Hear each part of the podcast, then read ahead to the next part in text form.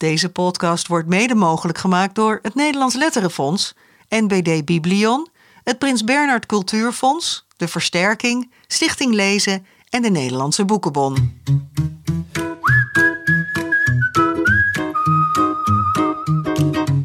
Zijn er weer. Het voelt alsof we maanden weg geweest zijn. Maar ja, maar dat valt eigenlijk best wel mee. Nou, onze vorige aflevering was 28 maart.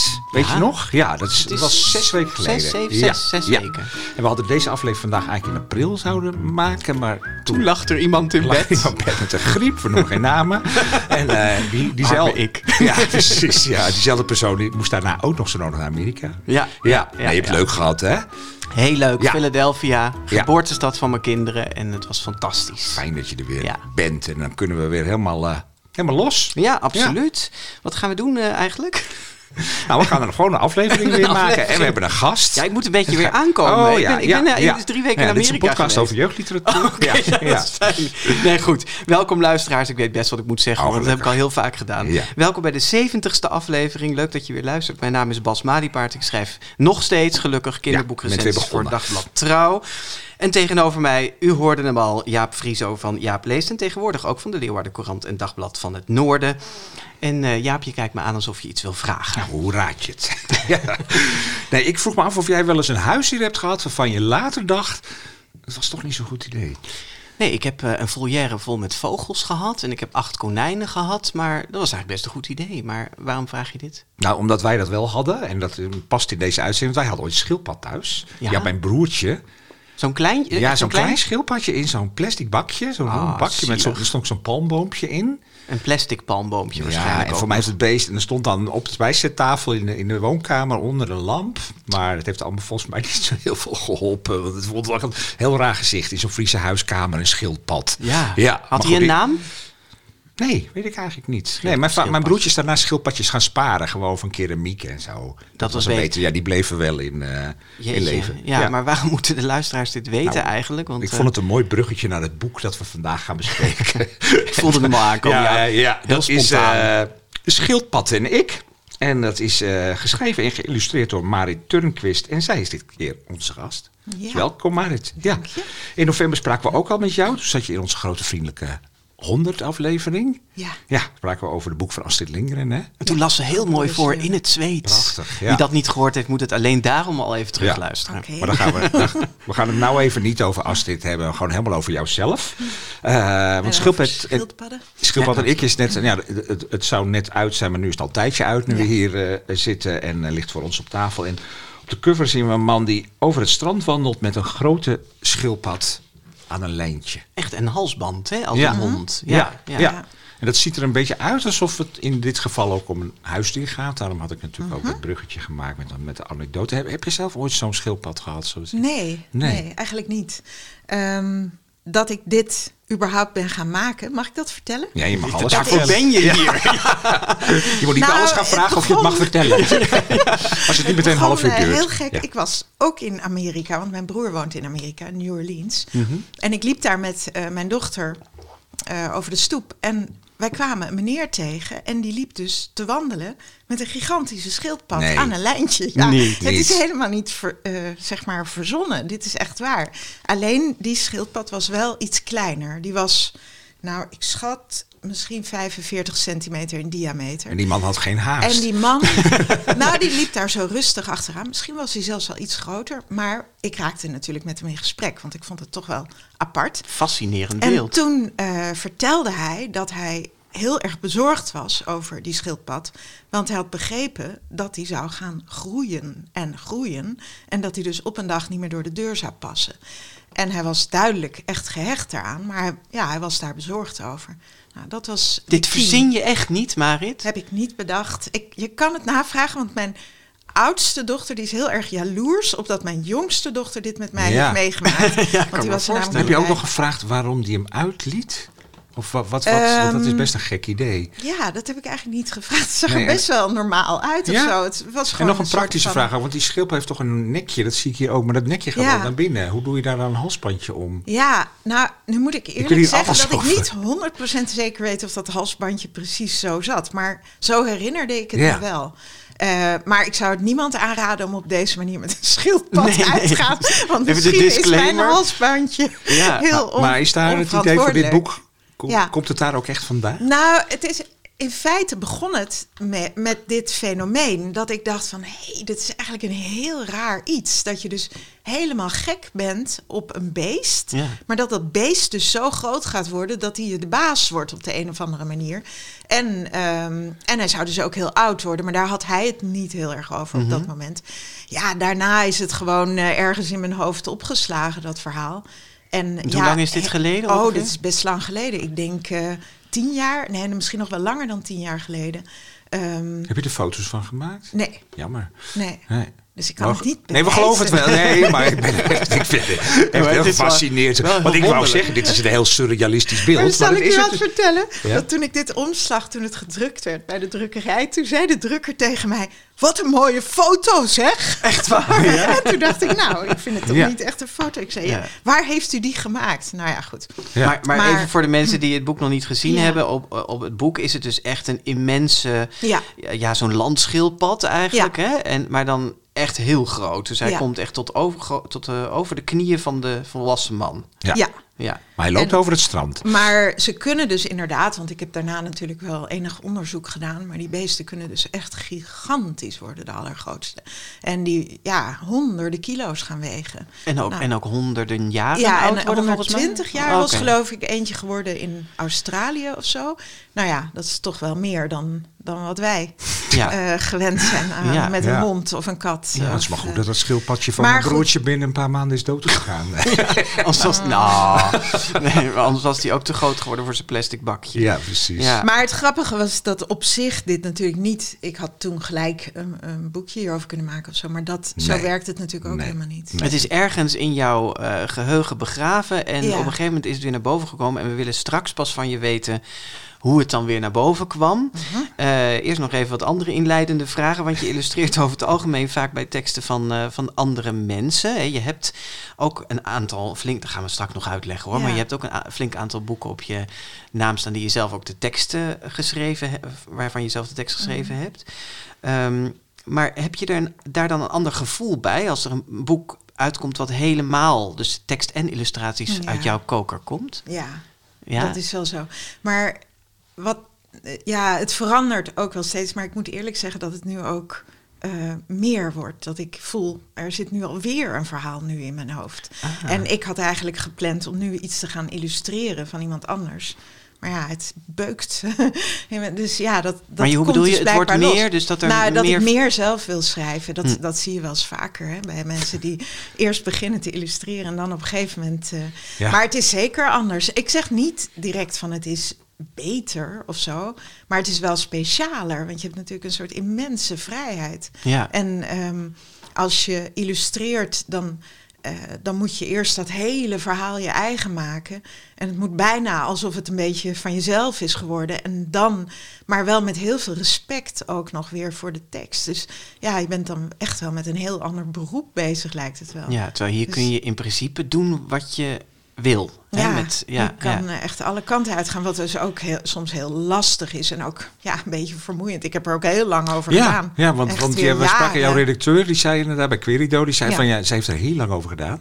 Ja, En hij had ook tegen jou gezegd, dat is niet zo erg, want een schildpad is ook heel traag. ja, dat zei hij elke keer als ik weer iets zei, dan zei hij dat als antwoord. Zo lief. Maar waarom, Hij is ook heel lief. waarom duurt het zo lang? Ehm, ik ben sowieso heel langzaam. Je bent een Eh, soort schildpad. Niet in beweging, maar alleen in maken. Eh, ja, ik weet niet. Het, ja, dat, dat is eigenlijk heel moeilijk uit te leggen. Maar dat verhaal, dat, dat groeit zo langzaam eigenlijk. En ja, en dan steeds denk ik weer van... hé, hey, maar wacht even. Oh, er dient zich weer iets aan. Ik moet die kant nog erbij. Of dat moet er Maar nog betekent in. dat je ook heel veel prenten en dingen maakt die je dan weer weg? Zit daar de tijd in? Of duurt het gewoon heel lang voordat je weer aan een nieuw... eh, Eh, nou, soms wel. Bijvoorbeeld eh, het boek Het Gelukkige Eiland wat ik maakte. Daar maakte ik iets van 120 tekeningen die echt af waren, die niet in het boek kwamen. Terwijl in het boek zitten er maar, ja, ik weet niet, 60 of zo. Dus dat was bizar gewoon. Ehm, ja, ik maak dus vaak veel meer. ja. Eh, ik, misschien moet je met een psycholoog praten om erachter te komen waarom ik er zo lang over doe. Ik weet het eerlijk gezegd niet. Maar het is gewoon dan niet klaar nog. En ik ben ook natuurlijk niet zo gauw tevreden. Ik wil dan weer nog iets uitproberen Ja. enzovoort. Ja, we noemen dat wel perfectionisme. Ja, hoewel ik vind niet dat je met een boek maken kan spreken over Nee, iets perfects is nooit- of zo. nee. Dat is het natuurlijk niet. Tevreden, Moet- je moet tevreden zijn. Maar meestal trekken ze het wel uiteindelijk uit mijn handen hoor. Want anders eh, ga ik mijn Komt hele leven helemaal met nooit die meer wat uit. schildpad door. ja, precies, ja. Ja. Nou, we gaan straks eh, praten met jou over die tekeningen, die prachtige tekeningen mogen we wel zeggen. En eh, ook over die tekst en hoe dat verhaal over die schildpad weer tevoorschijn is gekomen uit jouw ja, geheugen. en wat wij allemaal bedenken bij dit boek. Ja, wij- wij hebben er allemaal gedachten waar wij over. denken dat het over gaat, maar we graag horen of dat ook zo is. Nou ja, eh, eh, je mag toch altijd vinden wat... hè, Zeker wel, Wat je ja. denkt, ja, ja, de ja, ja. maar dit vind ik wel een boek wat zich daar heel erg voor leent. Om te Is wel waar, het over gaat. Maar ja, we gaan boeken bespreken. Wat heb jij meegenomen? dit is een boek waar wel vrij duidelijk is waar het over gaat. Al- Ja. Alhoewel, ja, je moet eerst de titel. Heet, vind ik echt een hele mooie titel. Verhalen van de fladdertak. De verhalen zijn bijeengezocht en gevonden door Margaretha van Andel. En eh, ze heeft het boek als ondertitel gegeven. Dat zegt meteen al heel veel. Sprookjes, mythen en legenden over betoverde bomen en wonderlijke bossen.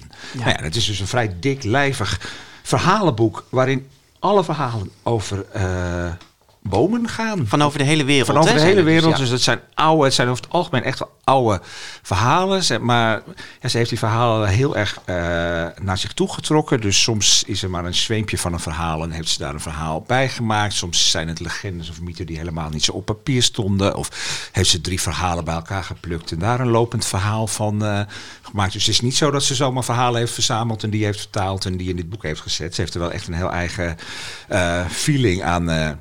Feeling, gevoel, gevoel draai aan. eh, Ik, ik ben weer in Nederland. Ja, ik versta sorry. ook Nederlands. Ja, ja, ja.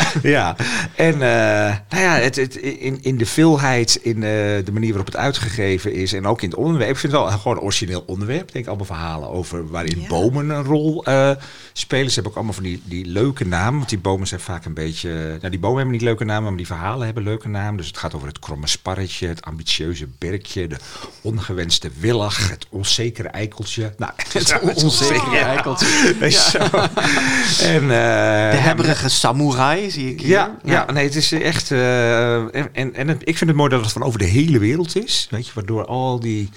Ja, het is ook heel erg een cultureel vol eh, boek is voor alle tijden. En eh, En het zijn ook, dat vind ik ook prettig, dat er ook eh, korte verhalen in staan. Hè? Dus Ja. sommige zijn maar twee, drie pagina's lang. Eh, dat vind ik nou bij van sommige verhalenboeken, dat het allemaal hele lange verhalen zijn. Dat je het niet redt eigenlijk voor het slapen Nee, gaan. Weet nee. je? Dus dat is ook nee, maar heel dit is echt wat dat betreft een uitstekend voorleesboek ook. Nog even een bomenverhaaltje. Je moet ze ook niet allemaal achter elkaar. Nee, dat hebben wij als recensenten natuurlijk altijd. Dat is een boek daarvoor is het voor- voor kleine kinderen of voor... Jawel, nee, ja, het is een sprookjesboek. Ja. dus ik zou het niet meteen aan een drie of vierjarige. Maar Mi- midden bovenbouw van de ja, weet je, het is wel op zich wel voor kinderen. Moet, moet je misschien ook een beetje selecteren in de, in de verhalen. Nou ja, het is een, een, een, wat dat betreft een heel rijk boek. En ik vind het echt een hele mooie uitgave. Weet Ja, want is- dat, dat, is, dat is. dat maakt het eigenlijk heel bijzonder. meteen, eh, ja, want hij is geïllustreerd door Marieke Nelissen. En eh, nou ja, dat is een, een, in dit geval zeker een hele ambachtelijke illustrator... die die bomen allemaal...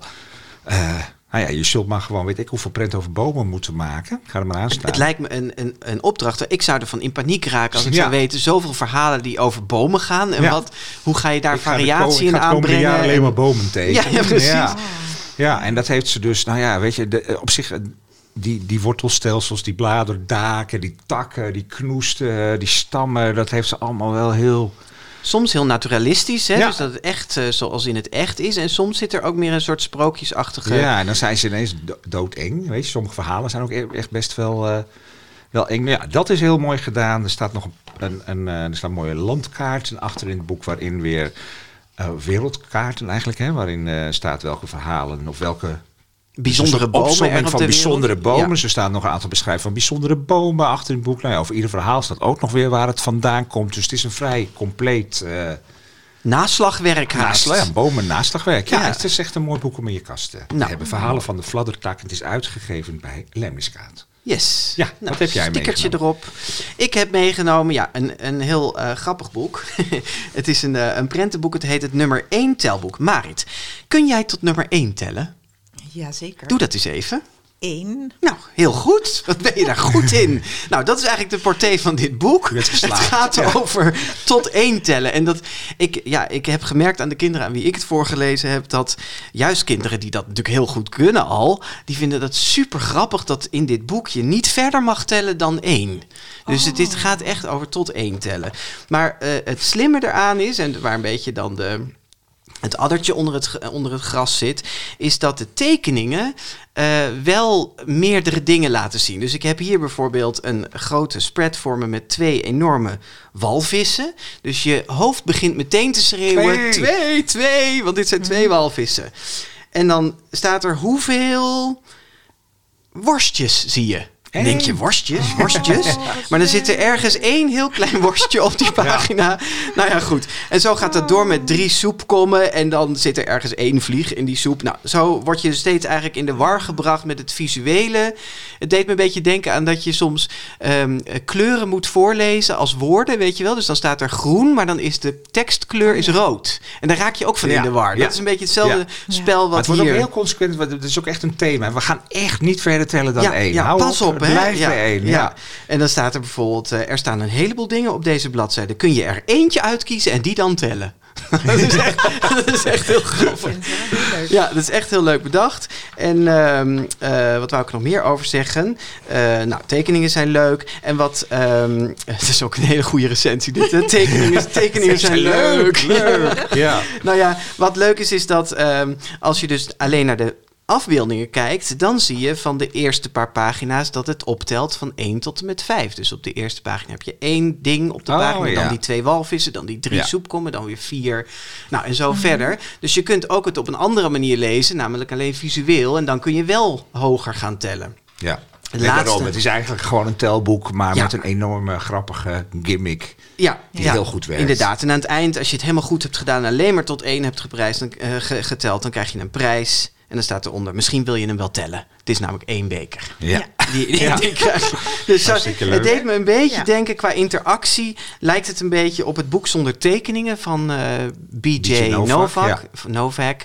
Eh, het een beetje dat meta-gevoel van dat, hè, eh, dat, je, dat het boek eigenlijk ja, een rol gaat spelen in de, actie, de interactie tussen Ja. jou en het kind. Heel direct opdrachtjes geeft aan het kind. En nou, het is ehm, Heel goed uitgewerkte gimmick. zullen we ja, en echt wel echt heel grappig. Wie had het gemaakt? Dat had je volgens Het is mij eh. Casper Salmon en eh, de illustraties zijn van Matt Hunt. Het is uitgegeven bij Godmer en vertaald door, J.H. Gever. Ja, je kunt ook gewoon je draaiboek kijken. Oh, sorry, hoor. Ja.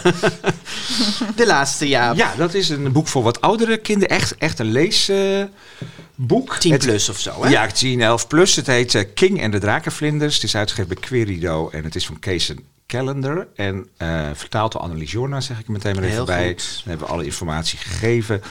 En eh, het is in Amerika jeugdboek van het jaar geworden. Ja. Ik geloof 2019 of zo. Gouden Dus het is een beetje de gouden griffel eh, van ons. Dus dat maakt nieuwsgierig. Ik moet zeggen ik ook eerder een boek van Kees Calendar had gelezen. Dat beviel me helemaal niet. Dus ik begon er wel Het was een eh, young adult, hè? het was een beetje een jong adult boek. Wel over hetzelfde thema. Het is een boek waarin homoseksualiteit een grote rol speelt. En het verhaal is in het kort. het begint vrij heftig. De hoofdpersoon heet King. Eh, hij is 12 jaar en eh, hij woont in Louisiana met zijn, met zijn vader. En volgens mij ook met zijn moeder, maar dat weet ik niet meer zeker. Maar in ieder geval eh, is zijn broer niet heel lang daarvoor is zijn broer overleden bij een hartstilstand op het voetbalveld. En zijn broer was zijn grote, was van 16 jaar, en was zijn grote voorbeeld en luisterde heel goed naar. En nou ja, zijn broer had enorm goed met hem voor, was een beetje beschermende broer. En die had vlak voordat eh, hij stierf, zijn hem gezegd... King, jij moet wat minder met die Sandy omgaan. Sandy was zijn beste vriend. En toen, wat blijkt later in het boek, eh, zijn broer heeft afgeluisterd dat ze in de tuin eh, kamperen in een, in een tentje. Heeft hij afgeluisterd dat Sandy opbiecht aan eh, King dat hij op jongens valt. En Dat viel niet goed bij broer. dat viel niet goed bij broer. En niet zozeer omdat hij nou zegt van homoseksueel, homoseksueel zijn mag niet. Maar hij zegt van ja, we, we, we, eh, we leven in een wereld waarin zwarte mensen toch al zo moeilijk hebben en, en gehaat worden vanwege hun kleur, zegt hij letterlijk. En dit kunnen we er niet nog eens bij hebben. Nou ja, dat, dat is zeg maar de erfenis die hij meegeeft aan zijn broertje, waarvan je ook al weet dat hij misschien, oh, dat heeft hij misschien ook wel gevoeld, dat hij toch misschien ook wel zulke gevoelens koestert. Dus eh, nou ja, dat is zeg maar de bom onder het, onder Oh. het eh, boek. En die Eh, Sandy is ook nog de kleinzoon van een KKK'er, hè? dus Van de, ja, echt, de zoon van, nou, hij is de zoon van de sheriff. Ja. Ja, en, eh, en de sheriff is, eh, staat bekend om echt om gewoon een, een, een, een redneck, een, eh, een, eh, racistische man. Nou ja, het verhaal gaat erover dat eh, Sandy, op, die, die vriend op een gegeven moment verdwijnt. Een soort van wegloopt en niemand weet waar die is. Eh, en uiteindelijk blijkt King het wel te weten. En ja, die komt dan voor het dilemma te staan. Voor wie die kiest. Ondertussen worden zijn gevoelens ook maar in een, in een rollercoaster. Ja, het hele, eh, ja, een, een, een, een, wat dat betreft een rollercoaster van een verhaal waarin van alles gebeurt. Maar dat gegeven, opgeteld bij dat, die, dat Louisiana, het speelt in, in ja, moerasachtig. Het is altijd De bayou. heet. Ja, ja, het is altijd warm en heet, weet je. Dus dat heeft meteen dat hele broeierige wat daar ook in... eh, Heet alsof de duivel is opgestaan uit zijn helle graf. ja, nou, ik vind het heel knap als je dat ook in zo'n verhaal weet voelbaar te maken. Ja. Weet je, die temperatuur en die hele spanning en dat, nou ja, dat, dat zoeken van een jongen gaat natuurlijk heel erg over van ja, wie is die zelf en aan wie is die, eh, aan wie is die uiteindelijk loyaal en hoe moet dat verder? Ja, en, en, eh, Oh, en- dat en- klinkt heel mooi. ja, en het is wel mooi dat het niet... Heel vaak zijn dit soort boeken toch een beetje young adult boeken. en- Maar dit is dus echt wel voor... Hij is zelf ook 12. Ja, is voor groep 8 gewoon eh, Ja, prima ja, te lezen. Ja, toch ook wel ja. de leeftijd waarop kinderen hier ook al wel mee bezig zijn. Dus, eh, En, eh, en een mooie cover vond ik hoor. Ja. Met een, eh, Ja. zo'n Ja. half gezicht wat je aankijkt. Sterke ja, Ja. en die drakenvlinders, dat is een insect. Ja, zijn dat niet gewoon libellen? Ja, Ja. Het is, maar het is geloof ik een soort superlibellen die daar... eh, Dragonflies is ja, het natuurlijk. ik ja. heb het uit laten leggen door mijn bioloog, maar Oké. dat weet ik niet. ja. Ah, dat is jammer, dat had je even wel Ja, ja. erbij moeten Oké, kunnen vertellen. nou, dit was de boekenrubriek. En eh, deze boeken, als het goed is, worden ze weer in heel veel winkels en bibliotheken voorzien van een getipt door de GVP-sticker. Eh, die komt trouwens ook op jouw boek, Oh, Marit. leuk. Ja, vind Hij je dat zit er hier al op, kijk maar. Ja. Ja, Hij is- kleurt geweldig Ja. goed bij de Oh. omslag. Daarboven je een goed plekje. Ja, precies. Goed plekje, ja. Eh, nou ja, werk je nou in zo'n eh, boekhandel of bibliotheek en denk je, verrek, wat een goed idee. Hè? Waarom doen wij dat nog niet? Mail dan even aan ons en dan sturen we je gratis ons promotiemateriaal toe. Dat kan via info@degrotevriendelijkepodcast.nl Yes, Marit Turnquist. Je Hallo. Eindelijk helemaal aan de beurt. het, eh, het valt nog niet mee om jou kort te intro- introduceren, maar, eh, want je hebt ongelooflijk veel gedaan. Maar ik eh, ga een onvolledige poging doen. Ik hoop dat het allemaal klopt. Daar gaan we. Je bent geboren in Zweden en je verhuisde op je vijfde naar Nederland. Eh, je volgde de opleiding tot illustrator aan de Rietveld Academie. En in 1995 verscheen het eerste boek dat je zelf schreef en illustreerde. Klein verhaal over liefde. Prachtig klein boekje ook. Waarvoor je eh, een zilveren griffel kreeg. Dus dat was een prijs voor de tekst. Hè? Het was het eh, begin van een drieluik. Over, en het, voor het laatste boek, Het Gelukkige Eiland, waar je er straks al even iets over zei, kreeg je in eh, 2018 opnieuw een zilveren griffel. Dus dat is een mooie bekroond drieluikje. Ehm, je illustreert ook veel boeken voor anderen. Bijvoorbeeld, ik pik er even één uit hoor, eh, voor Toon Tellegen. Je kreeg namelijk een eh, gouden penseel. Dus dan is het dan weer de illustratieprijs voor eh, jouw illustraties bij zijn verhaal, prentenboekverhaal Piku Henky. In 2006 was dat. Andere succesvolle boeken die je met eh, anderen maakte zijn onder andere, nou heel beroemd, de dichtbundel Jij bent de liefste van eh, Hans-Monique Hagen. En Groter dan een droom eh, met Jeff Aarts. En die beide boeken zijn nog niet zo lang geleden allebei in Amerika verschenen. Ja, inderdaad. Ja, dus in het Engels. Je moeder Rita Verschuur is ook kinderboekenschrijfster. Zij vertaalde boeken van Astrid Lindgren en schreef zelf ook kinderboeken. En jij illustreerde dan ook weer een paar boeken van Astrid Lindgren. Je bent daar zelfs mee begonnen. Hè? Dat eh, Ja. heb je in de GV100-uitzendingen verteld. Wereldberoemde schrijfster, maar over haar gaan we het dus vandaag eens een keer niet hebben. Eh, natuurlijk wel over je grote maatschappelijke betrokkenheid, die zich eh, vooral uit in je steun aan vluchtelingen. Wie je een beetje volgt op sociale media, die, die ziet dat ja, veel voorbij komen.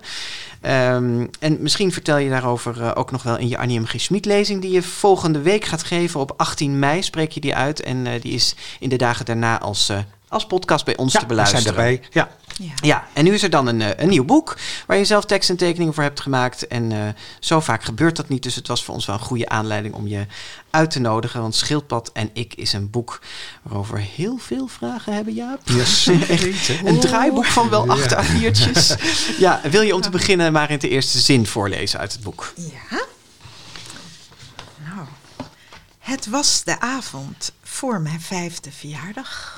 Ja. Ja. Van, van wie? Dat was de, vij- is de vijfde verjaardag van een jongetje. Die zien we ook op de eerste pagina. Die zit op schoot bij zijn opa, die weer in een leunstoel zit.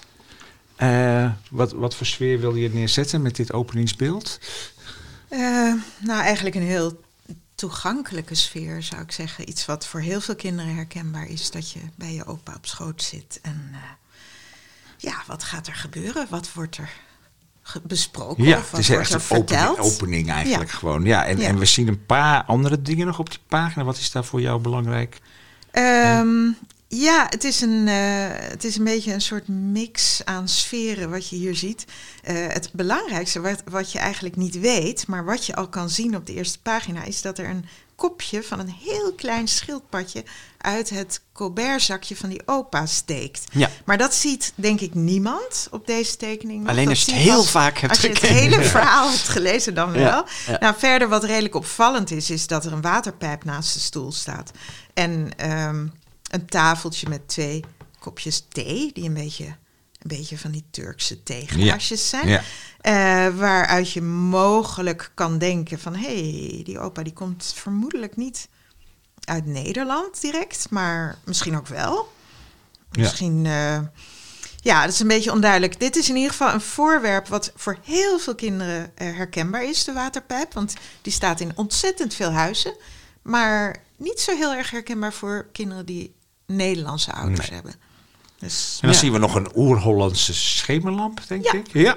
oerholland. ja.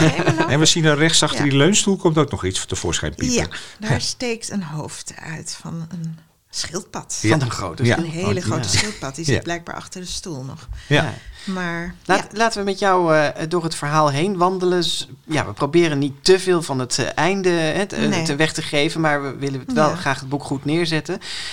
Zoals uit de eerste zin bleek, het jongetje is de volgende dag jarig. Hij wordt dus vijf. Hij is door zijn ouders bij opa gebracht, zodat zijn ouders de verjaardag kunnen voorbereiden. En opa die vertelt hem altijd hetzelfde verhaal, of in elk geval vaak vertelt hij dat verhaal. En ook nu weer, daar, daar vraagt het jongetje ook om, over een schildpad die opa weer van zijn grootvader heeft gekregen toen hij vijf werd. Is, is, is vijf worden, is misschien een beetje een gekke vraag, maar is vijf worden een belangrijk moment? Of waarom heb je dat moment gekozen, die leeftijd? Nou, ik weet niet. Het leek mij een leeftijd waarop je ehm, eigenlijk best al groot bent. Ja, eh, opeens komt er zo'n leeftijd, dat weet ik ook met mijn eigen kinderen, dat je opeens alles met ze kon bespreken. En ik denk dat dat ook het cruciale moment is van die opa. Dat hij voelt, hè, dat eerste verhaal heeft hij dus al verteld. Toen dat jongetje misschien vier was, misschien Ja. wel drie. Ja. Maar nu wordt hij vijf. En nu gaat er iets gebeuren waardoor ook meer verteld wordt dan eerder. Eh, dus ik denk dat dat ermee. Het is echt niet een, een, een kleutertje of zo meer, dat jongetje. En eh, misschien heeft het ook te maken met dat ik vijf was toen ik naar Nederland verhuisde. Ik weet het niet. Maar ik heb daar een soort gevoel bij van dat ik toen ook een soort van. eh, ja, nieuwe fase instapte. Nieuwe wereld instapte, ja. of zo. Ja. Maar dat denk ik eigenlijk niet eens echt. Maar het is een beetje een soort niet helemaal plaatsbaar. Het jongetje heeft natuurlijk heel zwart haar en die opa is ook een beetje eh, donkere ogen en zo. Dus je, je kan je wel voorstellen dat, dat ja, Dat ze ergens, ergens, ergens, anders... anders, vandaan komt, Ja. maar niet, ja, precies. niet overduidelijk of nee, zo. nee, en je Nee. ziet dus meteen die schildpad. Hè? Dat is, eh, de- de- ja, niet iedereen ziet hem misschien gelijk, maar Nee. je gaat wel denken van, hmm, Ja, er, is er dat is nou? iets. Je ziet Nee, je vertelde daar straks natuurlijk eh, hoe dat beeld van die schildpad eh, dankzij een vakantie in, eh, in Amerika in je hoofd gekomen is, maar toen heel lang weggestopt is geweest. Kun je nu dan vertellen hoe dat weer naar boven kwam? Nou, ik, ik denk dat ik nadat ik het Gelukkige Eiland had gemaakt, wat poëtisch en een beetje, ja, een boek is wat ook wel echt ook wel voor volwassenen en voor kinderen is, maar vooral misschien nog wel eh, voor volwassenen. Ja, het klinkt raar dat ik dat hier zeg, maar zo voelt het voor mijzelf wel een beetje. Eh, toen dacht ik, oh, ik wil eigenlijk heel graag iets een beetje grappigs doen. En toen dacht ik weer aan die schildpad. Eh, en ja, ik, ik dacht eerst dat ik dus echt een heel grappig verhaal zou maken. Gewoon helemaal knettergek met die schildpad die maar groeit en al die rare dingen en dat hij met een hijskraan naar boven moet en dat er, nou ja, gewoon allemaal van dat soort dingen. Maar het leuke is van als je een boek maakt, dat je dus echt helemaal geen controle daarover hebt. En dat het dus volledig anders kan uitpakken. En dat gebeurde. Ja, want wij typeren dit niet boek. als een super grappig boek. Nee, nee. het spijt me. Maar Ja. blijkbaar.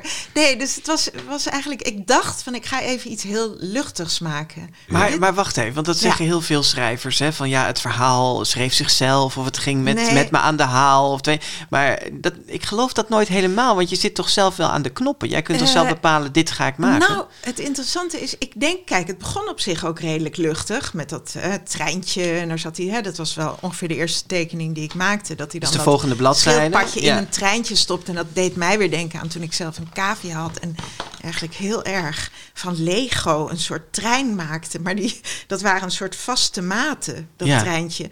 En Daar dat moest die cavia in passen. Dus dan moest die cavia erin passen. Nou, dat was natuurlijk niet echt leuk. Ik denk dat dit minder erg is, wat het jongetje met het schildpadje doet. Maar ik, het begon eigenlijk wel heel luchtig. En ik maakte inderdaad ook wel wat meer tekeningen dan dit over hoe die dan speelt. Ook dat hij de schildpad mee heeft naar de wc en allemaal, allemaal van dat soort dingen had ik getekend. Maar ehm, ja, ik merk dus dat dat zal dan wel met mij te maken hebben dat ik het dan toch een beetje oninteressant vind. Ja, dus dat is ik het vind het gewoon niet zo leuk. Ik, ik denk, ja, dat is een leuk grapje, maar ja, één keer doorkijken en je bent ermee klaar. Ja. Ja. En zo is het toch ook niet. En toen begon ik, ja, toen kwamen er scènes in die opeens eh, mezelf ook weer lieten blijken van, ja, Ja, want op de De derde prent dubbelheid. zien we al een meneer die komt bij dat jongetje kijken Ja. die met schildpad zit te spelen. Dan, dan staat er ook het woord onheilspellend. Hè? Dan wordt, dat, dat grappige is dan al lang eh, Ja. vergeten. Maar dan wordt het een beetje dreigend. Hè? Die man zegt die schildpad gaat groeien, groeien, groeien. En, En, hij wordt meer dan... hij werpt letterlijk op de tekening een schaduw Precies. over Ja. dit vrolijke... Moeten we misschien heel even terugpakken, want Ja. eh, jij, jij sprong net zomaar naar de volgende bladzijde, Marit. Maar het jongetje wat we daar zien spelen met dus inderdaad een treinbaan met een treintje erop, met dat kleine schildpadje erin, dat is opa in zijn jeugd. Hè? Dus hier zitten we in de flashback.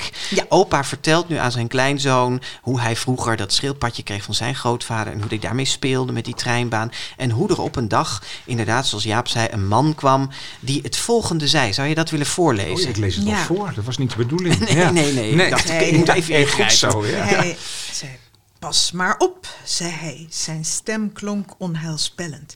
Die schildpad gaat groeien, groeien, groeien. En hij wordt meer dan honderd jaar. Mijn ouders keken verschrikt.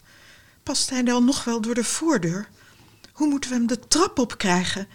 Wie geeft hem sla als wij allemaal dood zijn? Ik was alleen maar blij, want nu wist ik het zeker. Schildpad zou altijd bij me blijven. Mijn hele leven lang. Ja, wat mooi. Want hier, hier zit echt iets heel paradoxaals in. jongens zijn heel blij, ouders zijn Ja. verontrust. Wat, wat gebeurt hier? Nou ja, dat, dat vind ik dus eigenlijk altijd zo leuk als je kinderboeken maakt. Dat je al heel snel op die tweesprong uitkomt. Dat ouders, dus dingen die kinderen heel erg leuk vinden of heel erg fijn of geweldig. Ja, dat ouders daar problemen aan zien. Hè? Dat ze, nou en in dit geval, ehm, ja, zij denken natuurlijk na over, over zij, zi- ja, zij zien gewoon alle beren op de weg. Ja. Wat gaat er gebeuren? Schildpad maar dat jongetje kan dat op dat moment natuurlijk helemaal niet overzien. En die is vooral, die- ja, die is er gewoon ontzettend blij van. Ja, want die neemt het mee Ehm, naar het voetbal. We zien op de volgende ja. prent eh, dat hij daar keept en dat hij schildpad aan de, aan de doelpaal eh, Vastgelegd. vastgebonden staat. En ook een beetje meedoet aan het spel, zeg maar. Hè? Dus Ja. het, het- die hoort helemaal bij, eh, Ja, bij en hem. Hij, hij wordt ook heel populair van die schildpad eh, op dat moment. Want Dan nog is- wel, dan nog ja, wel. dan nog wel. Ja. Want het neemt inderdaad Ja. al snel een iets grimmiger wending. Want dan eh, ja, wordt hij gepest met de schildpad. En je ziet, eigenlijk ga je in de tekeningen door de jeugd van opa heen. Je ziet Mhm. opa dus ook steeds ouder worden. Hij wordt op een gegeven moment een tiener, neem ik aan dat hij hier zo'n beetje is. Een mooie plaat waarop ze, op die op het strand ligt met... Mhm. Dus een, joekel van een schildpad al naast zich. Ja. Mm. En dan gaan ze naar de dansvloer. Hè? En dan is, Discotheek. wordt hij ook wat ouder. Maar dan is schildpad ook wel onhandig. Want iedereen struikelt. Het wordt steeds een beetje wel... Ja, Om, nee, om- het wordt. En wat ik zelf redelijk eh, interessant vind, dat, dat, dat het jongetje dus eigenlijk om die schildpad of opeens heel geliefd is, maar net zo goed opeens helemaal niet geliefd. En dat heeft met datzelfde beest te maken, wat natuurlijk heel vreemd is. Ja. Maar wat ook iets is waar we misschien nog wel meer over kunnen hebben. Want dat is ook voor mij een heel belangrijk thema uit dit boek. Dat je gewoon ziet van ja, wacht even. eh, de context bepaalt dus of, of dit een, een mooie toevoeging is voor mij, deze schildpad. Of een, een eh, ballast. Ja. En dat, ja. Wat Dus- bedoel je met de context? Nou, de context. Dus hè, als je in een discotheek staat en iedereen wil eigenlijk zoenen. Ja, dan heb je niet te veel aan een schildpad. Ja, Het is de mooiste quote uit deze aflevering tot nu toe. Ja. Als je wilt zoenen heb je niet zoveel aan Ik heb, schildpad. ik heb hele slechte herinneringen aan discotheken. Vandaar dat Ah, ik deze... ja. Ik, ik, Ja. ik voel maar dat me staat er ook letterlijk, hè? Maar Een goed, daar komen we ook nog op terug. Misschien. Een schildpad Ja. was niet meer schattig. Schattig. Nee, Dat is op een gegeven moment eigenlijk Ja. de conclusie. Ja. Ja. En dat is, eh, ja, en dan keert het zich tegen hem. En dan ja, begint eigenlijk de vuurproef. Van ja, wat gaat hij doen met dat beest die altijd bij hem gaat blijven zijn hele leven lang. En dat, ja, en dan als we weer terugkomen bij wat jij zei van ja, wat, hey, je hebt er toch controle over.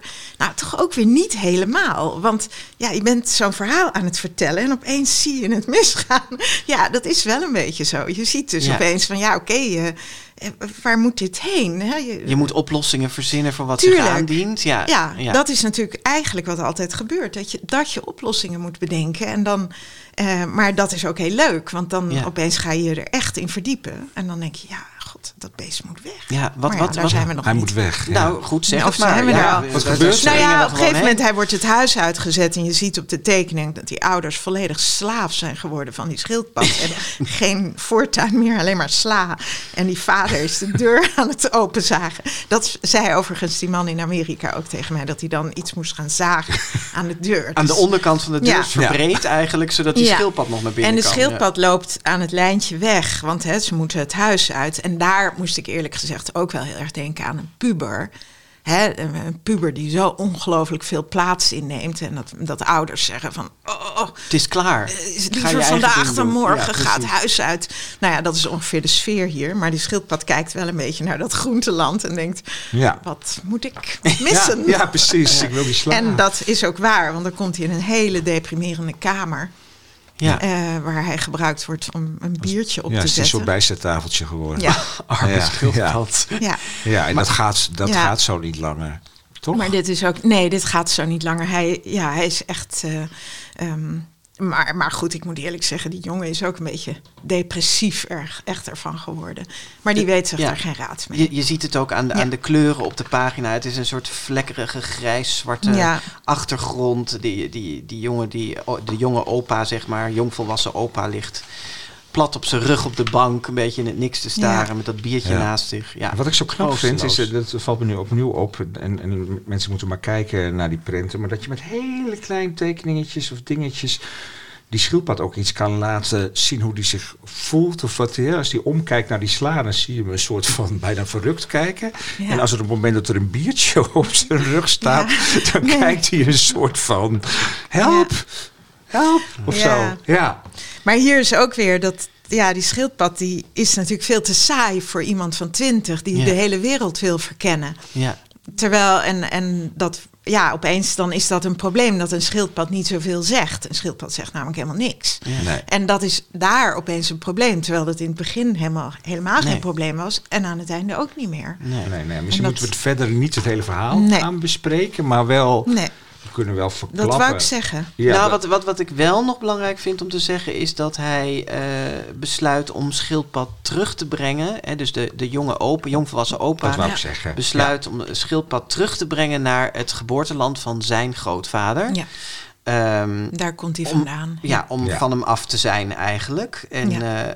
Als die terugkomt, zullen we dan dit stukje Ja, even mooi, doen? Dat is ja, mooi, ja. ja. Eh, als die terugkomt in, eh, nou ja, Nederland zullen we maar even zeggen dan. Hè, Het land waar hij woont. Schildpad achtergelaten in het geboorteland van zijn grootvader.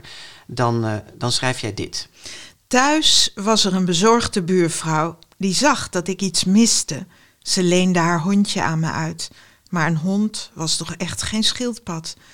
Er was niemand die me nog herkende of die me buiten groette. Zonder schildpad bleek ik niemand. Ik was niet eens mezelf. Nee, een hondje is toch echt geen schildpad. Dat is een vrij cruciale Ja, zin, hè? want die schildpad is niet te vervangen. nee, Nee. nee.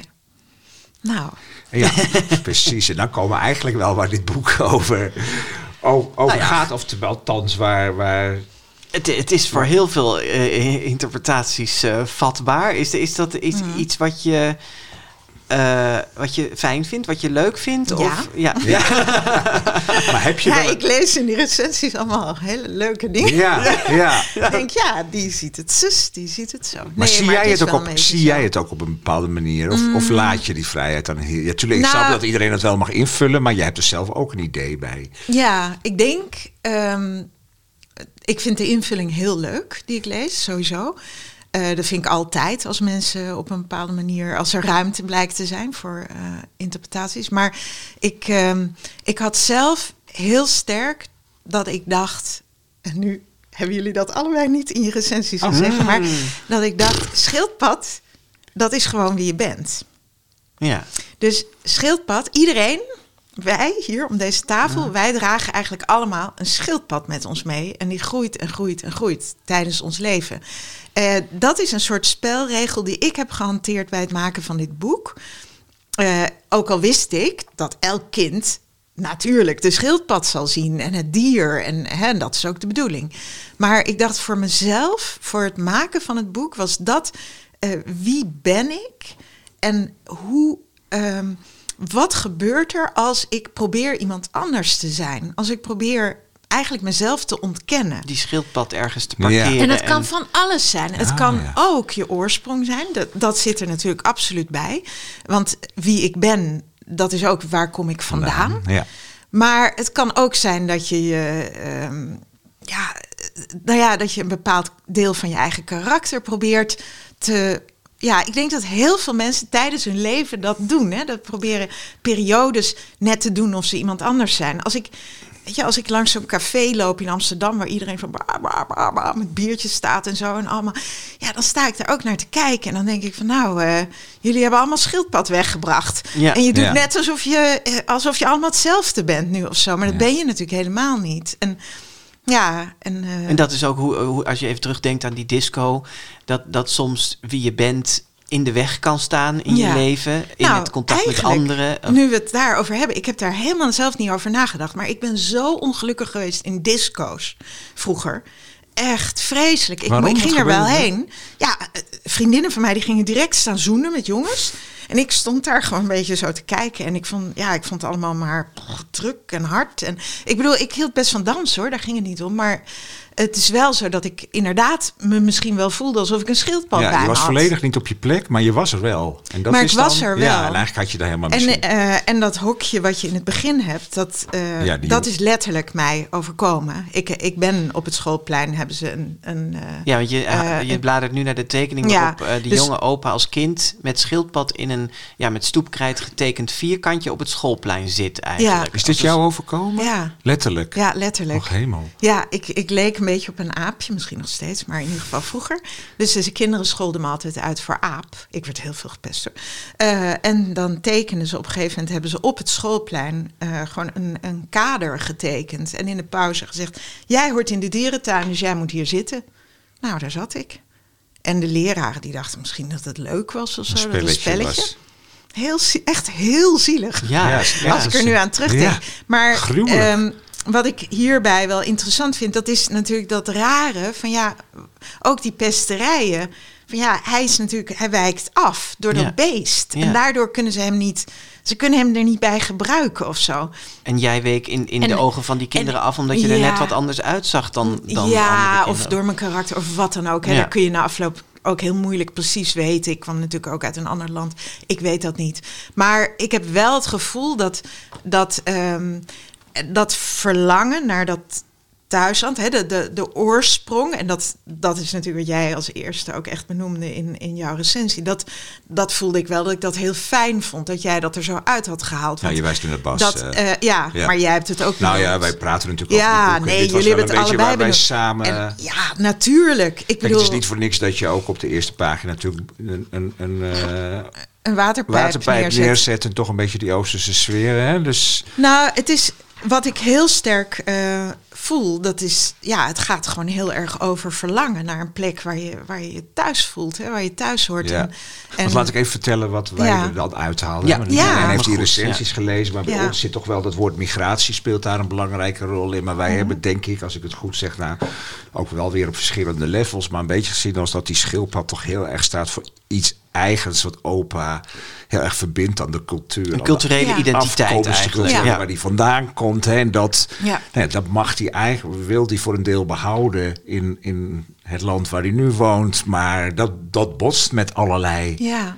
dingen. Eigenlijk is dat misschien nog wel een veel mooiere Nou ja, interpretatie. jij zegt eigenlijk, eh, jij, jij zit net iets hoger in de paraplu, want jij zegt eigenlijk, jij trekt het breder, hè? dus eigenlijk Ja. alles, dus ook waar je vandaan komt, kan ook die schildpad zijn.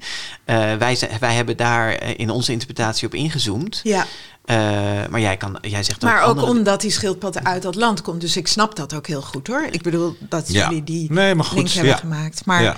Ik- ja. ik Nou ja, ik dat heeft misschien ook wat te maken met dat jij natuurlijk heel betrokken bent bij vluchtelingen en migratie. En zelfs zelf een beetje een migrant. eh. Eh, ik ben. ja, zeker. Ja, nee, daarom. Dus, ja, ja. Nou ja, maar goed, dat speelt allemaal mee. Ja, het is wel grappig dat we, dat we het Ehm. in niet veel andere besprekingen teruggelezen. We hebben voor deze eh, aflevering eens even andere recensies gelezen Mhm. die al over het boek zijn verschenen. En eh, daar stond verder niet echt in die culturele identiteit of dat aspect werd daar niet echt uitgetild, toch? Ehm, ik heb één eh, Vlaamse. Daar was we- dat was heel uitgebreid. Daar stond dat volgens mij wel ja, in. ja. Maar ja, het is voor mij. ehm, ja, het, het is natuurlijk cruciaal in dit boek. Dat Ja. alleen al het feit dat hij. Hij kan niet meer tegen die schildpad. En dan brengt hij hem naar die oom. En dan zegt die oom. Nou, één schildpad meer of minder, Ja. dat maakte Ja. hem Ja. echt niks uit. Nee. Nou, eerlijk gezegd, ik heb inderdaad de afgelopen jaren met heel erg veel mensen uit het Midden-Oosten opgetrokken. Nou, één schildpad meer en minder maakt hun ook echt helemaal niks uit. Ik kan altijd daar komen, ik kan er altijd overnachten, ik kan er altijd. Er is een soort lossigheid in, ja, dat, dat verwelkomen, dat zit hier wel in. Ja. Maar het zit, zit ook in, in het zinnetje bijvoorbeeld in het land van mijn opa was alles vertrouwd. Al was ik er nog nooit geweest. Ja. Hè? Dus daar, zit ook, Ja. daar, daar haalde ik die culturele identiteit ook heel erg uit. Van, dus blijkbaar is er iets wat je daar onmiddellijk herkent. Wat vertrouwd voelt. Ook al ben je nog nooit in dat land geweest. Ehm, Maar, en- dat, ja, maar dat, dat is natuurlijk ook dat met die generaties. Hè. We hebben natuurlijk ook in, in ons land heel veel mensen wonen. Hè. Dan heb je de eerste generatie in dit geval. Ja, als je echt alle generaties in dit boek gaat zien, dat zijn er geloof ik wel zes Ja. of zo. Ja. het is best ingewikkeld, zit het in elkaar. Ook al zullen kinderen daar verder helemaal weinig last van hebben. Maar het is meer dat je kan je voorstellen dat er ooit die opa die naar dat land ging en die dat schildpadje gaf aan de verteller. Ja, dat, die vertrok gewoon vrijwillig. Hè? Die, die, die, Ja. en, maar wat daarna precies gebeurd is. Ja. ja, dan soms bij een tweede generatie komt er opeens weer zo'n gevoel van... ja, maar wie ben ik eigenlijk en waar kom ik eigenlijk Ja, vandaan? En waarom heb ik die donkere ogen en dat Ja, zwarte haar? En, blijft. ja, Die gaat door de generaties exact. heen. Ja, daar Dus gaat het ook heel dat, erg Daar over. gaat het, heel, het gaat wel Ja. heel erg over Ja, en je zegt, dat vind ik ook wel interessant. Kinderen zullen dat niet zo eh, zien. Hè? Of tenminste, het- voor kinderen is dat minder belangrijk. Maar hoe, hoe denk je dat kinderen dit boek... Nou, ik denk wel dat ze dat voelen, net als dat ze in, in het echte Ja. leven voelen van, oh, mijn opa, en die heeft iets wat ik nu ook weer heb, of dat soort dingen. Maar ik denk dat zij niet zo heel snel bezig zullen zijn met, oh, dat is een tweede generatie, of dat is een derde Nee, generatie. maar sowieso, wij zitten nu lekker Maar- diepgaand dat boek helemaal te analyseren. Ja. Maar kinderen zien, Ja. wat, wat, kinderen zien een verhaal over opa ja, en een die, schildpad. en een schildpad. ja, en die zullen ook wel begrijpen. Ik denk dat ze wel, denk ik, echt wel alle emoties begrijpen die hier plaatsvinden. Inclusief dat die arme schildpad weg moet. Ja. Ja. Want je snapt het ook gewoon. Het is gewoon, het is echt niet te doen. Alleen het feit Maar- dat dat schildpad misschien symbool staat voor iets anders, die laag missen ze Nee, misschien dat nog, maar dat niet. geeft Nee. niet. Dat Nee. geeft. Nee, nee, dat hoeft. En natuurlijk voelt hij zich thuis als hij in een land komt waar iedereen een schildpad heeft. Ja. Ja, want dat teken je ook, hè? En dan is hij eh, daar en dan ziet hij een heel strand vol met mensen die met schildpadden aan lijntjes lopen. ja, En, eh, en dan wijkt hij tenminste niet af en dan hoeft hij niet in een hokje in de dierentuin of wat dan Ja. ook. Ik bedoel, hij mag maar daar kun je, zijn. kun je nog vertellen, want eh, wij hebben dat culturele aspect er dus wel heel sterk uitgehaald. Daar, daar stuur je ook best flink op aan, vind ik, Mhm. met de details in het boek. Waarom wilde je daarover, waarom was dat aspect in dit boek voor jou belangrijk om over te schrijven? Nou, omdat ik. Ja, ik denk dat wat. eh, het eindigt natuurlijk ook echt best onaangrijpend ook. Met het absoluut terug willen naar, je, naar je, het land waar je vandaan komt.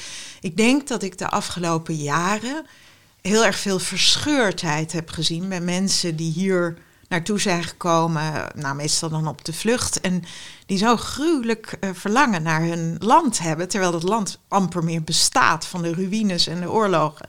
Ehm, en, dat daar, en dat ik dat ook begreep, omdat ik zelf ook uit een ander land kom.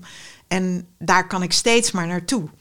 En eh, ja, ik kan, Ja. Alles, ik kan alles daar nog blijven genieten wat daar is. En ja, ik, ik voel het dus wel redelijk goed aan wat zij. Ik, ik heb ook wel eens dat ik denk: waar wil ik dan doodgaan? Wil ik dan eigenlijk. Waar wil ik begraven? Wil ik misschien dan toch in Zweden begraven worden? En dan weet ik ook al bij welk kerkje eigenlijk. Weet je wel? Ja. Dat zijn van die gedachten die ik heel erg herkende bij deze mensen. En ik, ik vond het. ehm, ja, ook, ook bijvoorbeeld met wie ga je trouwen dan? Hè? Want in dit geval ontmoet deze man dan een meisje. Maar ja, die, die moet hem wel accepteren zoals hij is met die achtergrond. En daar zit natuurlijk Met die schildpad. wel ja. degelijk hè, de schildpad. En, en nou ja, dat, dat, dat doe je ook niet zomaar als je niet vertrouwd bent met schildpadden. Want dan, Ja. dan denk je, jezus, een man met een schildpad. Ja, sorry. ik weet niet of ik daarmee... Nou ja, dus, daar, dus het heeft wel te maken met dat ik heel veel van dat soort emoties zag. En, en ja, en dat, gewoon, dat past opeens ook heel erg in dit verhaal. Ik heb Ja. natuurlijk nog veel meer emoties gezien. Maar dit is een van de dingen die ik ook denk dat mensen vaak niet begrijpen. Ze denken, ja, die mensen komen hierheen en ah, lekker rijk hier en lekker eh. Gelukzoekers. Ja. Nou ja, dat is al helemaal vreselijk. Maar het verlangen naar dat thuisland, dat is, dat is Ja. helemaal ongekend. Want dat ik lees daar, ik weet niet of dat, maar ik zie, probeer je ook wel een soort van beetje een, toch een maatschappelijk commentaar daarop te geven. Ehm, Want het is wel- nee, maar ik, ik denk niet dat ik, dat ik dat echt zo probeer. Maar ik denk wel dat als je dit boek leest, dat je echt zo goed begrijpt dat die vrouw ook nog één keer terug wil als ze heel erg ziek is. Hè? Dat is dan Ja, wacht eind. even, hè, want, eh, Mag want niet, hè? opa, nee, nee, maar nee, daar gaat het niet om. Maar even voor de luisteraar Ja. die het boek niet gelezen heeft. Ja. Dus opa die eh, de schildpad terugbrengt naar zijn, het geboorteland Mhm. van zijn grootvader, Mm. die ontmoet in dat land zijn toekomstige, vrouw. ja. En die eh, verhuist met hem ook naar Nederland, zullen we maar Ja. even zeggen. Ja. Eh, en die wil aan het eind, die wil die terug. vrouw nog één keer terug Ja. naar haar eh, geboorteland. Ja. Ja. en dat, ja, ik denk, het is natuurlijk heel gek. Wat wil ze nou in dat geboorteland? Ze wil de schildpadden horen, zien schuifelen in het zachte zand. Ja, ik bedoel, ze wil dingen die wij helemaal niet eh, met een land associëren of zo. Maar daar gaat het ook niet om. Het gaat erom dat als je zo bent opgegroeid met schildpadden die door het zand schuifelen, dan wil je dat niet kwijtraken. En ik denk wel dat een kind dat heel goed begrijpt als hij dit boek leest. Dat hij echt snapt dat die oma terug wil. Ja. En daar gaat het mij om. Ja. En het gaat mij niet om dat een kind daarna denkt van... oh, eh, iemand uit Syrië die wil misschien ook terug of uit Afghanistan. Maar wat nee. ik ook las, als het toch ook over generaties en leeftijden gaan. Dus heb ik er ook zelf bedacht hoor. Maar dat we heel erg, als, als, als, als open nog heel klein is, hè, dan is het allemaal schattig en, en, Mm. en leuk. Maar op een gegeven moment komt er zo'n moment dat het niet meer als schattig wordt gezien, maar als lastig en vervelend. En ik denk dat we dat in de maatschappij ook wel vaak zien. Weet je, Ja. Bedreigend misschien. Ja, weet je, dat Ja. kinderen, ach, kinderen, Ja. vluchtelingen, kinderen en zo, daar hebben we allemaal heel erg mee, eh, mee te doen. Ja, Maar als ze wat ouder worden en echt kunnen praten en eh, ook nog een mening hebben, ja. dan... dan ja dat, dat zit er. Terwijl die kinderen die het boek lezen... die zullen die grote schildpad ook helemaal geweldig vinden. Juist, daar zou je op kunnen rijden, bij wijze van spreken. Ja. Dat, dat, dus ja... het is ook fijn om voor kinderen zo'n boek te maken, omdat die een hele andere kijk op de wereld hebben. Maar ik denk dat volwassenen inderdaad dit soort dingen er wel misschien Ja. bij het voorlezen Ja. Ah, ja. denken van, oh ja. Deze ja. volwassenen wel. Ja, Ja. deze volwassenen wel. Nee. Hey, zullen we nog zo. even een beetje naar... eh, naar ja, het is een prentenboek, er staan prachtige tekeningen in. Ik vind toch wel dat we die, die illustraties ook nog even een beetje moeten bespreken. Of in elk geval hoe jij die maakt en hoe je te werk gaat. Is dat... Sorry, dat was een hele gekke... Ja, gek hikje. Eh, begint een boek bij jou, zo'n soort boek bij jou, bij de tekst of bij beelden? Ehm, eh, door elkaar eigenlijk. Ah. Dus wel, ja, eigenlijk heel raar, chaos. Ja? Zo van, nou, ik geloof dat dit een, ja, er zijn een paar tekeningen die ik helemaal in het begin heb gemaakt, eigenlijk zonder te weten of die echt in dat verhaal zouden komen. En sommige zijn erin gekomen en andere misschien niet. En dat is gewoon om voor mezelf ook een soort sfeer neer te zetten. Maar soms weet ik dan nog amper, zoals bijvoorbeeld deze tekening maakte ik redelijk vroeg. Je En ik- wijst op ik- een tekening van ik een... wist, eh, dus ja, het hele een- gezin een berglandschap met, Ja. Ja. met een gezin wat eh, duidelijk op een soort bergtocht is met een schildpad zit. Ja. Ehm, en ja, dat was denk ik vooral om voor mezelf de sfeer neer te zetten van wat, wat probeer ik een beetje te zoeken. Maar sommige andere tekeningen zijn weer heel anders geworden. En, en later viel om. die opeens Ja, in het verhaal. Opeens ja, ja. viel die erin, of, of sommige vielen er niet in. Maar ehm, ja, en ik heb deze keer, bij dit boek heb ik wel heel erg eh, nog meer op stemming of zo geprobeerd te werken. Nog iets minder ehm, eh, precies en... eh, En wat is dat op stemming werken? nou ja, ja, dat je dus wat minder gewoon allemaal nette lijntjes tekent. En, oh, ik ga Maar vooral de, de, de Maar dat ik- sfeer centraal stelt. Van hoe je dat het beste dus kan ik heb eigenlijk en ik ja, ik heb een beetje iets geks gedaan met die schildpadden. Ik was natuurlijk naar artiest en zo. Daar heb ik ook een beetje gestaan, een dagje. Schetsen? Zo. Ja, daar staan schetsen, maar ook met name ook geluisterd naar hoe kinderen over die schildpadden praten. Daar. Nou, dat was heel leuk, want je merkte dat ze dus echt heel gefascineerd waren, omdat het zulke rare Zijn rare, oerbeesten ja, ja. zijn. Het zijn echt wel hele gekke beesten. ja. Maar toen, toen ik thuis kwam, toen dacht ik van ja, wat blijft nou over van die schildpad? Dat is dat er een soort van die schild zo grof is en zo. Mm, en toen ben ik uiteindelijk heb ik al die schilden geschabloneerd eigenlijk en met een soort roller en daar weer in gekrast. Nou ja, een beetje gekke manier om dat schildachtige te benaderen en niet al te precies eh, kleine Al vakjes te Nee, gaan tekenen. precies. Nee. Het valt ons Dus, sowieso op dat, dat, dat je best eh, ruig werkt, ook in dit boek, in de achtergronden. Hè? Dus Ja. dat het heel vlekkerig soms is, ook inderdaad met een roller of iets. Ja. eh, eh, de vlekken ook een beetje over de naad van het boek op de tekstbladzijde over. Ja, dat heb ik expres gedaan om, om het een beetje levendiger te maken. Maar ja, het is ook een. Nou, ik weet het niet. En het zijn ook vaak wel een beetje schilderijtjes. Hè? Ik vind veel meer dan illustraties eigenlijk. Ben, ben jij ook wat meer aangeraakt door de schilderkunst dan door de illustratiekunst? Eh, ja, dat Ja. denk ik wel. Sowieso wel hoor. Want dat heb ik eerder ook wel in boeken gehad. Ja. Dat ik, eh, ik hou wel van schilderen. Gewoon. Ehm, En wat hoop je dan dat mensen zeggen? Hey, dit lijkt heel erg op... eh, niet, op niet op Rembrandt, maar op... op uh, Chantan. Oh, Chantal. Dat zei jij. Dat, zei internet. ja. Nee hoor, dat zeggen Ja, maar dat is ook mensen. niet echt een schilder Ensor, zeggen ze soms. Oh ja, Ensor, ja. ja, Ja, dat kan wel voorstellen. Ja. Maar goed, het wisselt ook. Sommige tekeningen zijn weer iets gedetailleerder. Het hangt er ook vanaf wat je Ja. moet vertellen. En er zit best En- veel eh, verschillende materialen in. Hè? Je ziet echt soms waterverf een beetje zo uitlopen. Of ja, is dat... maar ik doe dat altijd. Ik mix Dus gewoon echt alles. Ja? Ja. Je bent maar wat... eh, Ik doe maar alles wat. elkaar. doet maar Ja, wat, ja. heerlijk Nee, lijkt me maar dat. Juist, want de ene keer wil je mist laten zien of iets heel verstilts. En de andere keer wil je ja, een disco. Ja, dat is Ja, wel maar hier zit van alles in. Potlood, eh, al- je gebruikt echt Ja, maar ik schilder natuurlijk wel veel. Maar ik heb ook wel, zoals hier bijvoorbeeld, dit is allemaal pastelkrijt. Die is donkere zeeën. Mooie zee met en, een en- boot erop. En, Ja. en donkere wolken en zo.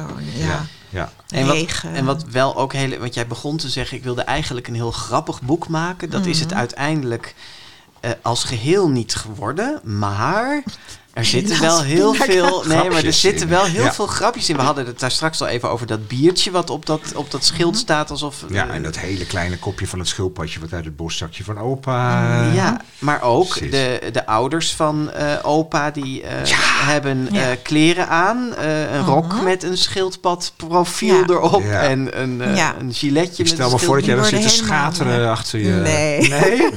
zijn Een meer... beetje grijns. Ja, een beetje hè, ja. Maar ik denk wel van die ouders, daar wilde ik echt laten zien dat ze helemaal geleefd zijn. ja. Dat ze helemaal, Ze zijn zij zijn hun eigen identiteit eigenlijk kwijtgeraakt Ja. door de identiteit van hun zoon. Ja, dat kan ook. ja, ja. Wat Nou ja, dominantie. het is een heerlijk boek.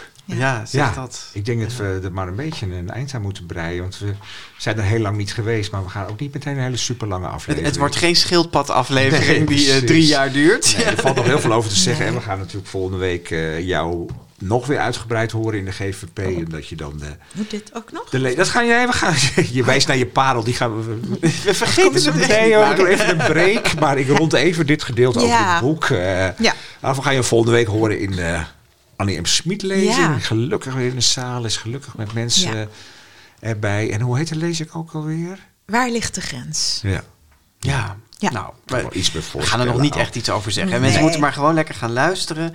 En ehm, ja, we zijn ook heel benieuwd of, of onze luisteraars nog weer andere interpretaties vinden van Schildpad en ik. Want dat mag dus van jou. Hè? Het, eh, Zeker. het hoeft echt niet zo te zijn wat, wat wij hier Nee, allemaal besproken nee. hebben. Dat dat is wat je erin moet, eh, moet zien. Eh, zometeen vragen we je nog even de laatste zin uit Schildpad en ik voor te lezen. Maar eerst... De grote vriendelijke parel. Natuurlijk willen we ook graag van jou een boek op de overvolle parelplank. Maar er is echt nog wel een plekje bij. We hebben er inmiddels ook weer plankjes bij getimmerd. Dus eh, wel- wel- welk boek ga jij daar opzetten? Ja, we hadden het er net al even Ja. over, hè? Eh, van mijn favoriete tekenaar, Chantan. Ja. Schrijver ook wel. Ja. Regels van de zomer. Ja, Chantal en ik schreef in mijn recensie van dit boek, van Schildpad en ik, dat het me af en toe een beetje deed denken aan de sfeer van Chantal. En daar ben je, was je dan heel verguld mee, maar daarom had ik dat niet gedaan. Maar Dat, ik heeft, dat heeft natuurlijk vooral te maken met de die, sch- met die vervreemdende, ja, het heeft ja. een beetje die vervreemdende sfeer Ja. die Chantal ook vaak heeft. Hè? Is dat zo wat je er ook in aanspreekt? Ehm, deels, maar deels ook wel gewoon de, de onderwerpen die hij eh, pakt. Ja. Wat zijn dat Ehm, voor?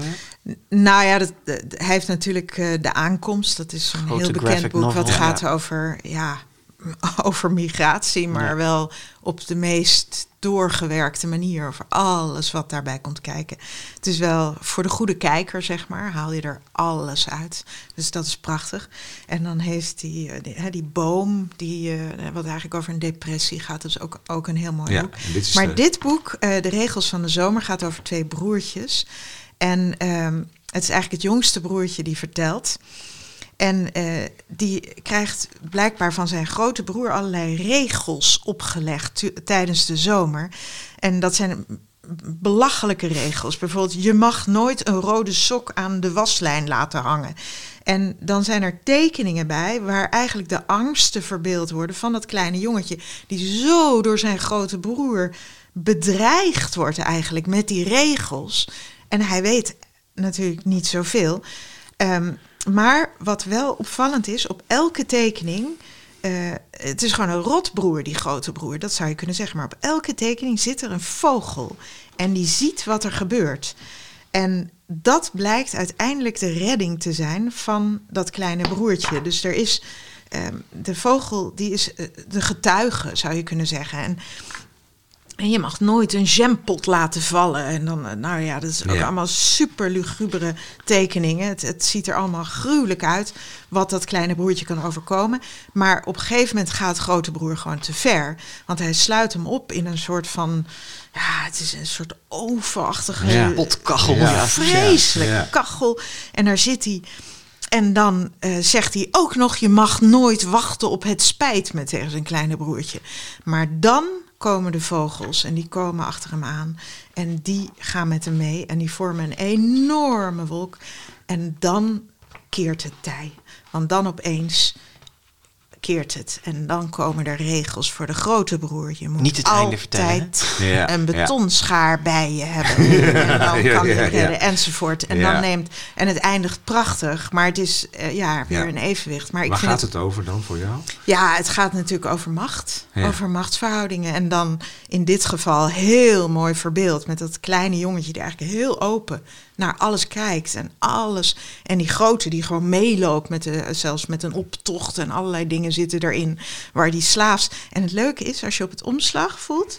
Dan zit hier bij het oog van het kleine jongetje zit een gaatje. Heb je het wel eens gevoeld? Ja. ja. Grappig. Ah, Ja. ja. En dat zegt ook iets. hè, Dat, nou ja, het Ja. is heel hij, mooi. Hij maakt het de eh, lezer nooit makkelijk, hè, Chantan? Nee, Dus je moet nee. wel rustig kijken. Ja, en maar daar hou de je tijd van. voor hebben. Natuurlijk. Ja. Ja. Moet in het boek van Marit ook rustig kijken, want dan zie je heel veel. Ja. Dit boek is Mhm. in eh, 2013 verschenen bij eh, uitgeverij Querido. Jouw eigen Oké, uitgeverij. Zo lang geleden al. Ja, nou, Ja. dat, dat eh, zetten we dan op de plank. Yes. Ja, en eh, dan hebben we nog één dingetje te goed. Dat is de laatste regel uit eh Oh ja. Schildpad en ik. Wil je die voorlezen? Vandaag ben je vier. Maar morgen, morgen word je vijf jaar. Ja, wie zich de eerste zin nog herinnert die je aan het begin van deze aflevering voorlas, die weet dat het verhaal hiermee heel mooi rond is. Marit Turnquist, heel veel dank voor je komst, Ja. voor je verhaal, voor je tekeningen en voor wat je ons erover wilde vertellen. We kijken uit naar je Arnie M. G. Smit lezing eh, op woensdag 18 mei. En eh, er zijn geen kaarten meer, maar eh, we zullen ervoor zorgen dat er een mooie registratie komt. Mark achter de knoppen, dus dat moet goed komen. eh, die daarna eh, snel als eh, GVP te beluisteren is. En wil jij luisteraar ons werk steunen, dan kun je vriend van de show worden via vriendvandeshow.nl schuine streep de GV podcast. Al bijna 250 mensen gingen je voor. Maar we zitten nog net niet helemaal. 248 ja, of zo er geloof ik. er hè? in ieder Ja. geval nog wel twee bij deze week. Dus met de prijs Ja. van een cappuccino per maand eh, help je ons eh, nog meer mooie afleveringen te maken. Ja, en eh, nou ja, bijvoorbeeld een mooie live aflevering die we gaan, gaan maken. Op Ja. eh, eh, 29 mei in Antwerpen. Dan gaan we praten met Jean-Claude van Rijkegem over zijn nieuwe boek Onheilsdochter. Het was voor ons een beetje spannend of eh, Belgische luisteraars ook naar onze live aflevering zouden komen. Maar gelukkig zijn daar de kaarten ook al voor uitverkocht. Eh, in boekhandel De Groene Waterman in Antwerpen zitten we. En eh, nou ja, er komen ook zelfs Nederlanders naartoe. Daar zijn we hartstikke blij mee. Als je wil komen en je denkt, ja, misschien toch een klein kansje, dan kun je nog op onze wachtlijst laten zetten. je weet nooit wat er Altijd gebeurt. mensen die dan weer vlak van tevoren Daarom, afhaken en dan dus proberen wij die onze weer door te website voor schrijven. alle details. Daar vind je ook alle informatie over deze aflevering. En als je ons volgt op alle social media's, Twitter, Facebook, Instagram en Goodreads, dan vind je nog veel meer over Yes. ons. Nou, het is vandaag woensdag 11 mei 2020. Dat is de dag waarop... we- 22 alweer. hoor. 22 ja, zei ja, het is toch wel 22, twee ja. jaartjes verder al. Ja, ja. In ieder geval wel de dag waarop we deze aflevering opnamen. In kinderboekwinkel Kiekeboek aan de Gierstraat in Haarlem. Vandaag was ook Mark Brouwer er weer bij. Dus onze technische rots in de branding. En eh, nee, dit wordt een drukke maand voor de GVP. We zijn er nog een paar keer. Maar laten we ons eens voorlopig eerst even focussen op jij ook, Marit, op de ADM G. Smit lezing van volgende week. Tot dan. Tot dan.